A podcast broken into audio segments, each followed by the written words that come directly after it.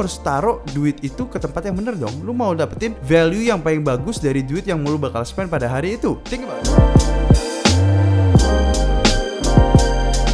Pada tuh bikin makanan yang lu pada mau konsumsi buat kerja buat kalian, bukan kalian kerja buat makanan kalian.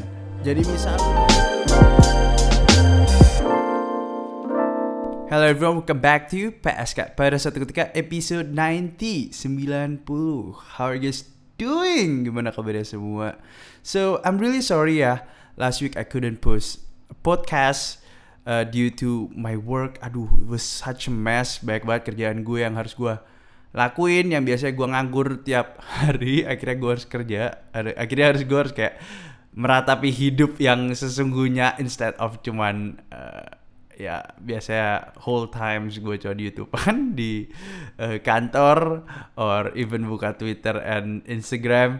Uh, but yeah I did some work last week and then I just couldn't have any time buat record podcast podcast aja sih sebenarnya. So yeah here I am. Uh, minggu ini gue mau bawain sesuatu yang lu pada request dari dulu yang mungkin lu pada lagi pikiran sekarang. Uh, ini banyak banget yang request hal ini tapi gue mager banget ngomonginnya karena uh, gue ngerasa bakal jadi kayak lecture gitu cuy. Tapi ya setelah gue post di Instagram PPSK Podcast dan apparently banyak dari lu pada bilang kayak eh bikinin podcast aja. So ya yeah, here you are for you all. Sorry kalau jadi kayak lecture but yeah right now I'm going to talk about minimalism and food and like not food exactly food like nutrition. Jadi gimana cara gue masukin atau lebih ke arah kayak mengaplikasikan uh, minimalism yang gue selalu pegang ini ke makanan-makanan gue? Apa yang masuk ke dalam diri gue setiap hari? Gimana cara gue bisa nemuin uh, bahwa sebenarnya setiap makanan tuh ada value-nya dan semua makanan tuh gak sama. Jadi uh, mungkin lu pada pingin makanan nutritious yang yang kasih lu pada banyak vitamin dan sebagainya atau mungkin lu pada cari yang kesenangan semata. And it's it's not wrong kalau misalkan lu pada pingin makan that uh, croissant uh, ya kan barengan sama latte uh, for like weekend getaway with your bros and sis. So there's nothing wrong with it but ya yeah, gua aplikasikan minimalism in my life especially in foods in nutrition. Jadi gue bakal kasih tips and tricks juga buat lu pada bisa ngaplikasi ini nih hidup kalian. Mungkin lu pada bisa hopefully bisa jadi lebih sehat itu yang terutama. And in addition mungkin lu pada pengen punya dead body goals. Ya kan kalau cewek itu kayak hourglass, kalau cowok tuh kayak Doritos, kayak pizza gitu. Uh, but itu itu secondary-nya ya, yang mungkin lu pada bisa dapat. Yang pertama obviously it's your health, uh, mentally and physically. Ya yang biasa gue bilang kalau mental and physical health itu uh, related to each other. So yeah, here's a podcast for you all. Hopefully ini nggak jadi kayak lecture. So pada suatu ketika Alright, jadi pada suatu ketika minggu lalu sebenarnya gue udah ngomongin kan tentang hal ini. Jadi gue ngomongin uh, di story gue. Kalau pada belum follow PSK Podcast, please do follow it now. Karena gue akhir-akhir ini lumayan sering enggak enggak enggak lumayan juga sih. Maybe like once a week gue dulu lumayan ada uh, informasi buat kalian to pick up your life atau mungkin social issues. Jadi waktu itu gue ngomong ya kan? Ada orang nge-DM gue by the way dude just asking lu kalau lagi diet gitu craving gimana? Dan gue jawab aja jujur aja gue nggak hampir nggak pernah craving. Terus gue jelasin dong kayak kenapa kalian craving terus kalian gagal diet? Ya kan?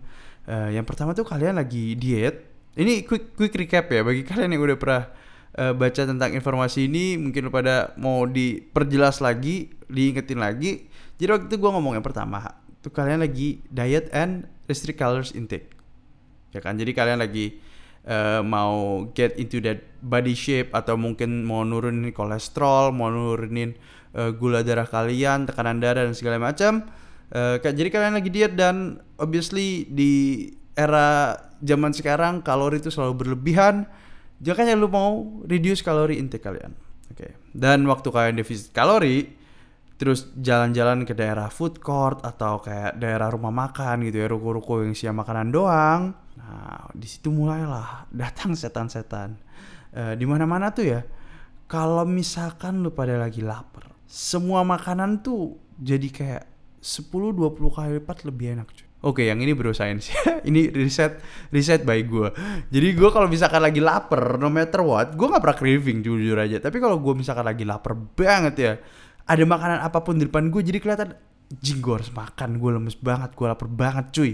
Nah, waktu itu tuh langsung jadi kayak boom, muncullah kalian kalimat yang ya udahlah ya satu hari nggak apa-apa. Dan mulailah habit kalian terganggu. Di situlah kehancuran diet kalian dimulai.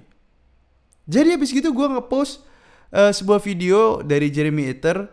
Dia tuh ada namanya YouTube-nya build build with science or something dia lagi di interview interview sama Men's Health jadi dia jelasin the way he uh, sees nutrition intake. Gimana cara dia manage makanan dia to stay in shape.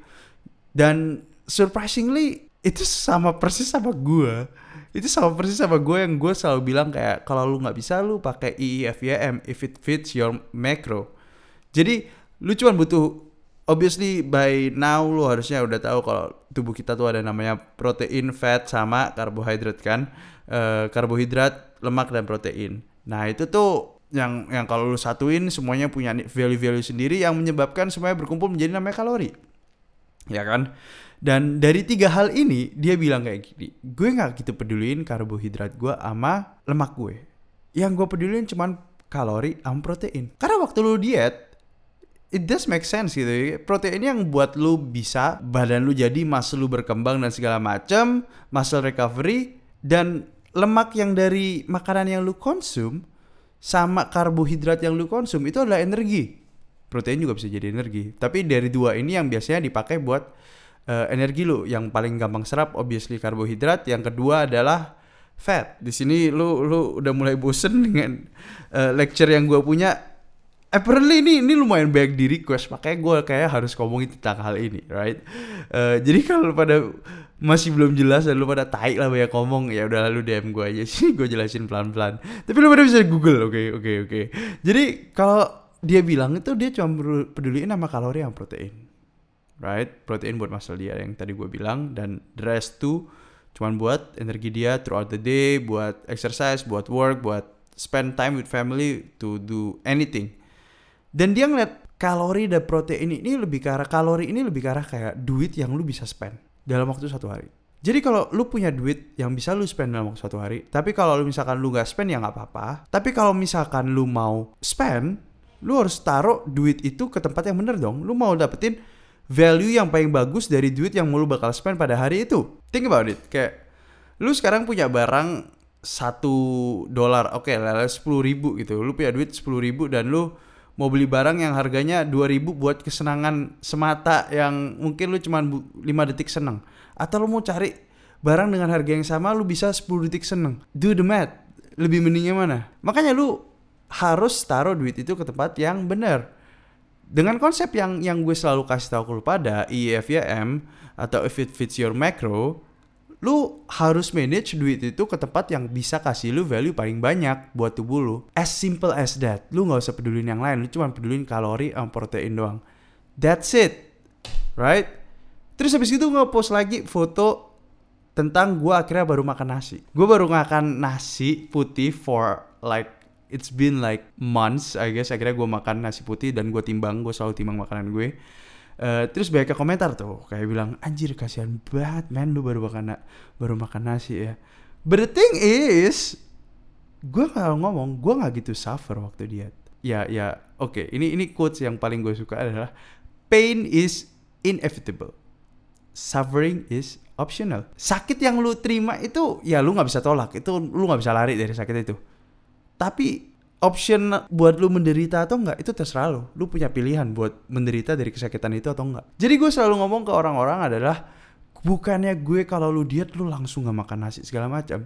It's just that gue pingin nasi itu bisa kasih gue value yang lebih daripada yang lain. Tapi ternyata nggak bisa. Karena waktu gue punya pilihan, oke, okay, kayak gue punya pilihan, misal gue butuh karbohidrat ya kan gue misal udah pakai proteinnya berapa kalori dan sisanya gue bisa pakai buat fat buat pizza buat all other things biasanya gue selalu kasih sisanya itu either ke satu hal yang ke satu adalah hal yang gue pengen banget. Let's say gue mau makan pizza ya udah gue makan pizza gue masih ada stok kalori kok yang bisa gue makan, right?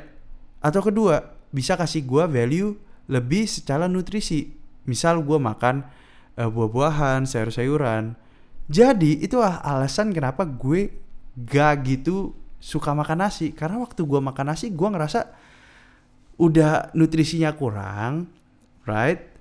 Dan waktu gue makan nasi, gue nggak gitu. Misal gue senengnya 80% dengan gue makan nasi, gue cuma bisa seneng uh, 90% tingkatnya. Naik level cuma 10%. Tapi kalau misalkan gue makan daging terus gue habis makan daging atau atau protein or anything atau lemak itu terus gue makan buah-buahan sebagai dessert gue, itu gue bisa lebih puas 100% ya for those of you who don't know gue suka banget manis ya.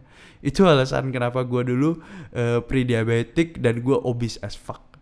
Nah itu tuh alasan kenapa gue nggak suka gitu suka makan nasi. Makanya gue selalu bilang ke teman-teman gue kalau lu mau pikirin diet dan nutrisi kehadap diri lu think about minimalism Minimalism itu sebenarnya bisa di stretch sampai dengan pilihan lu makan. Apakah makanan yang lu bakal lu makan itu bisa kasih value lebih di hidup lu? Coba tanyain hal itu setiap kali lu makan. Karena hal itu selalu gue kayak, kenapa gue makan nasi waktu itu? Oh gue butuh uh, sesuatu yang cepet serap.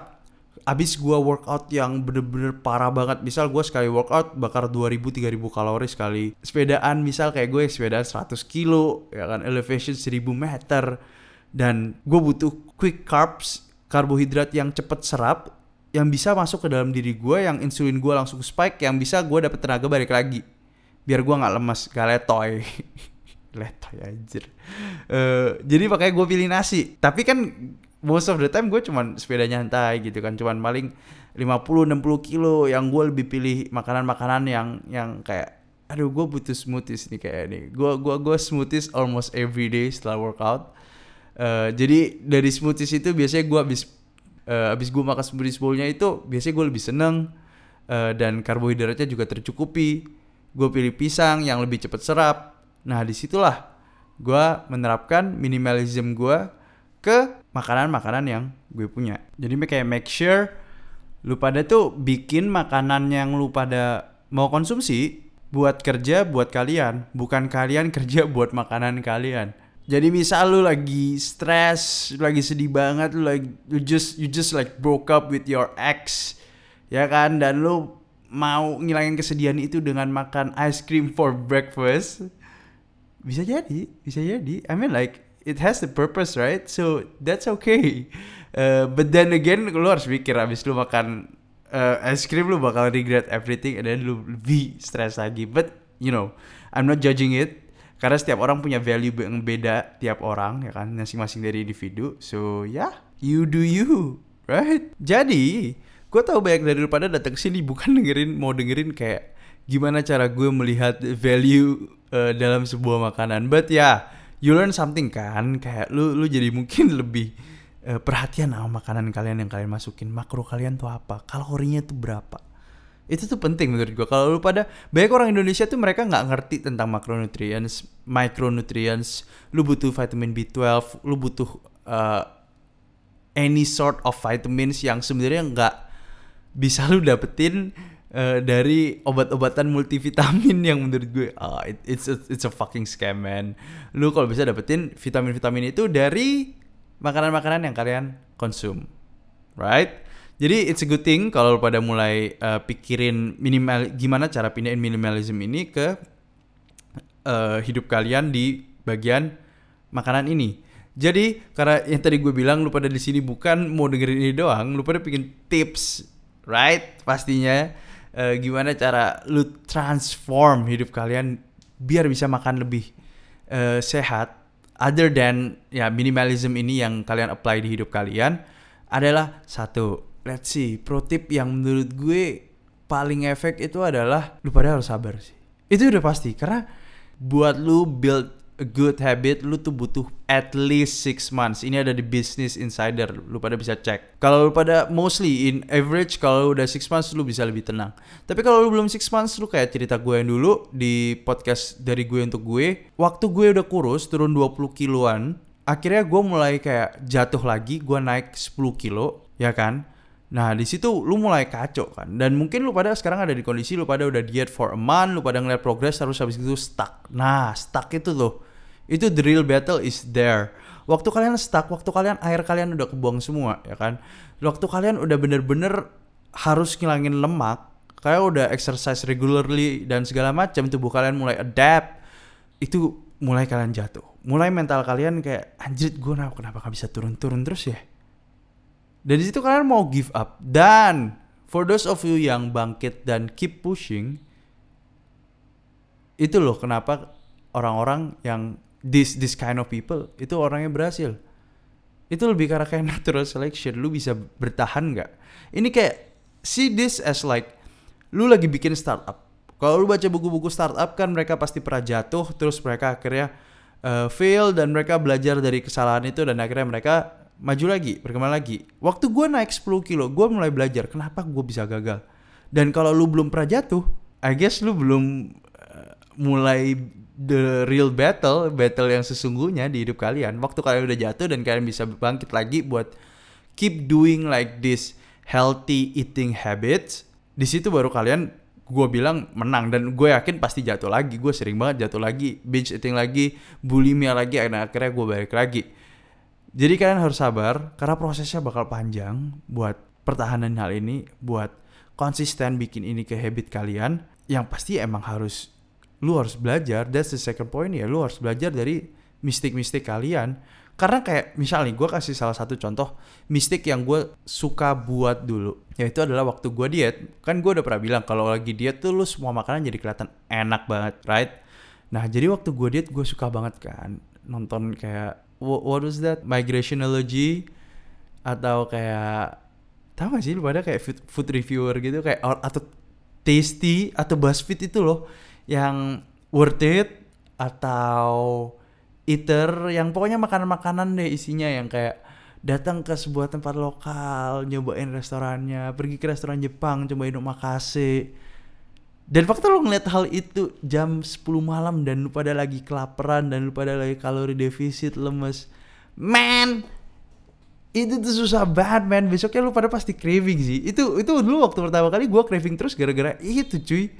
Dan cara gue nanggulangin ya, gue biasanya selalu analisa anjir kenapa gue craving ya gue craving biasanya gara-gara abis nonton video kayak gini nih abis nonton video tentang review-review makanan coba deh kalau gue pindahin review makanan gue waktu gue sambil makan.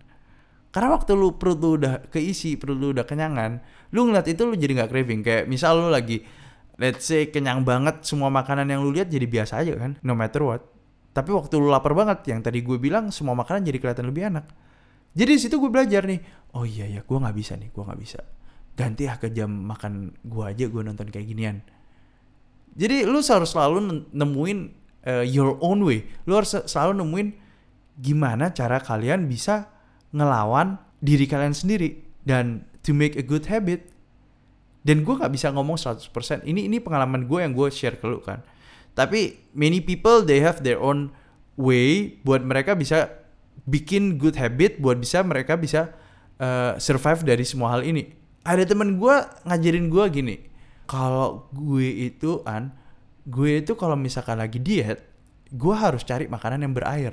Dan it's a good it's a good tip loh. Jadi dia bilang dia lebih suka kayak watermelon. Watermelon tuh kan semangka itu kan tinggi airnya tapi kalorinya rendah kan atau dia bilang dia suka kayak apel apel tuh bagus banget by the way guys uh, pineapple juga anything kayak melon gitu yang berair itu bagus banget and then ini yang paling sampah tapi menurut gue ini gue pernah coba dan ini gue berhasil waktu gue ngejar deadline uh, Desember itu ini gue pakai cara ini yaitu adalah makan tomat. Cuy tomat tuh kalorinya 100 gram cuma 18 kalori cuy. Dan itu feeling banget temen gue bilang waktu itu dia makan tomat sehari 2 kilo tomat. Ini seriusan 2 kilo tomat cuy. 2 kilo tomat. For your information oke okay, 2 kilo tomat tuh kalau 100 gram tuh cuma 18 kalori lu kaliin 10 tuh 180 360 cuman cuy kalori ya. Cuy lu makan 2 kilo dia bilang ke gue lu makan 2 kilo tomat tuh banyak banget loh. Kayak itu lu nggak mungkin lu nggak feeling man jadi jadi itu itu salah satu tips and tricks yang lu bisa nemuin sendiri dan mungkin lu pada bisa sharing sharing sama orang lain oh gue pakai tips kayak gini. Atau mungkin lu bisa cari di internet sih gimana cara lu bisa bikin uh, lu makanya gue selalu bilang kan do research. Karena waktu lu do research lu bakal learn something new and then lu lebih inspired gitu lo anjir penasaran nih mau coba ah akhirnya lu coba ya kan. Waktu do research lu juga excited kan. Uh, jadi do research tuh bagus banget kalau misalkan lu mau uh, build habit especially in your nutrition. And then yeah I guess that's it. And one more tip ya one more tip. Mungkin lu pada yang ada diabetes ini mungkin lu pada ngerti yang lu pada gula tinggi yaitu adalah tentang uh, glycemic index. Dan glycemic index itu penting banget kalau lu pada udah dewasa uh, lu pada ya entah kenapa orang Indonesia tuh gampang banget kena gula sih. Orang Indonesia tuh kayak gula tuh salah satu gua nggak belum do the research tapi di daerah gua tuh dikit-dikit gula gula gula gula gula. Jadi kalau lu pada udah kena gula lu harus makanya banyak orang bilang kan kalau lu pada kena diabetes lu pada nggak boleh makan nasi. Ya kan lu pernah dengar nggak tentang hal itu? Uh, karena gulanya tinggi. But the thing is gula di rice sendiri itu sebenarnya kecil yang bikin dia parah itu adalah dia tuh terlalu cepat serap. Waktu cepat serap uh, it mess up your whole system mess up the insulin level and all other shit. Uh, makanya lu kalau misalkan lu mau cari makanan itu lu harus cari makanan yang lambat serap. Makanya kenapa orang-orang ketogenik mereka banyak yang sukses? Karena keto sendiri itu kalau misalkan lu banyak fat, fat itu kan to, to be digested buat fat itu keserap buat tubuh kalian itu butuh 3 to 6 hours kan. Karena itu butuh waktu yang lama dan mungkin kalian punya kalori uh, bakarnya pelan-pelan, metabolisme kalian gak gitu cepet, itu tuh bagus jadinya. Sama kayak glycemic index kayak karbohidrat yang kayak sayur-sayuran, beberapa buah ya, bukan durian yang pastinya guys, tolong atau nangka itu juga bukan. E, beberapa buah kayak apel gini kan dia tuh lambat serap. Jadi kalau waktu lambat serap itu jadi tubuh kalian kenyangnya lebih lama. Kalau misalnya kalau misalkan udah diserap terlalu cepat terus kalian gak gunain tuh ujungnya jadi lemak dan anggap aja kayak gini kayak oke okay, gue keserap. Shit man gue nggak jadiin tenaga apa apa nih. Ya udahlah tai gue jadi lemak aja. Nah anggap aja kayak gitu tuh kurang lebihnya. Abis dijadiin lemak dan lu mulai kelaparan lagi kan. Makanya kenapa kalau lu makan nasi itu tuh kalian lebih gampang lapar lagi. Cuman gue sering denger dari ini gue selalu bilangin ini ke orang-orang dan orang-orang bilang enggak. Karena uh, mereka bisa bilang kayak gini uh, eh, gue makan nasi banyak dan kalau gue malah gak makan nasi gue malah lebih lapar cuy. Karena porsi nasi di Indonesia tuh nggak masuk akal cuy. Gue akuin by the way lu pada yang lupa kal yang yang yang biasanya lu pergi ke restoran ya yang lu di serve satu nasi atau mungkin nasi padang itu tuh udah 200 kalori lebih men. Gimana lu gak kenyang nih gue biasanya makan tuh setengahnya nasi padang kali. Sekali nasi ya gue gua gua gua makan. Jadi ya be careful with uh, what you eat. And I guess that's it for the pro tip. Mungkin lu pada kalau malam uh, bisa avoid food yang cepat serap. Itu kenapa banyak uh, sharing-sharing WA tante-tante adalah jangan makan nasi waktu malam. Karena kalau lu makan nasi yang cepat serap dan akhirnya nggak digunain lu pembakaran uh, waktu tidur kan nggak gitu cepat waktu lu aktif makanya itu bisa jadi lemak dan kalau udah jadi lemak rada, rada repot buat lu kurangin jadi ya uh, mungkin kalau lu malam lu bisa lebih avoid high carbs yang cepat serap mungkin lu bisa pilih uh, sayur-sayuran dan healthy fat and protein. So yeah, that's it for the podcast today guys. Sorry ini jadi kayak setengah lecture tapi banyak yang request. So I was thinking like ya bikin podcast aja lah pada mungkin belajar dari sini hopefully. So I'll see you guys next week and see ya.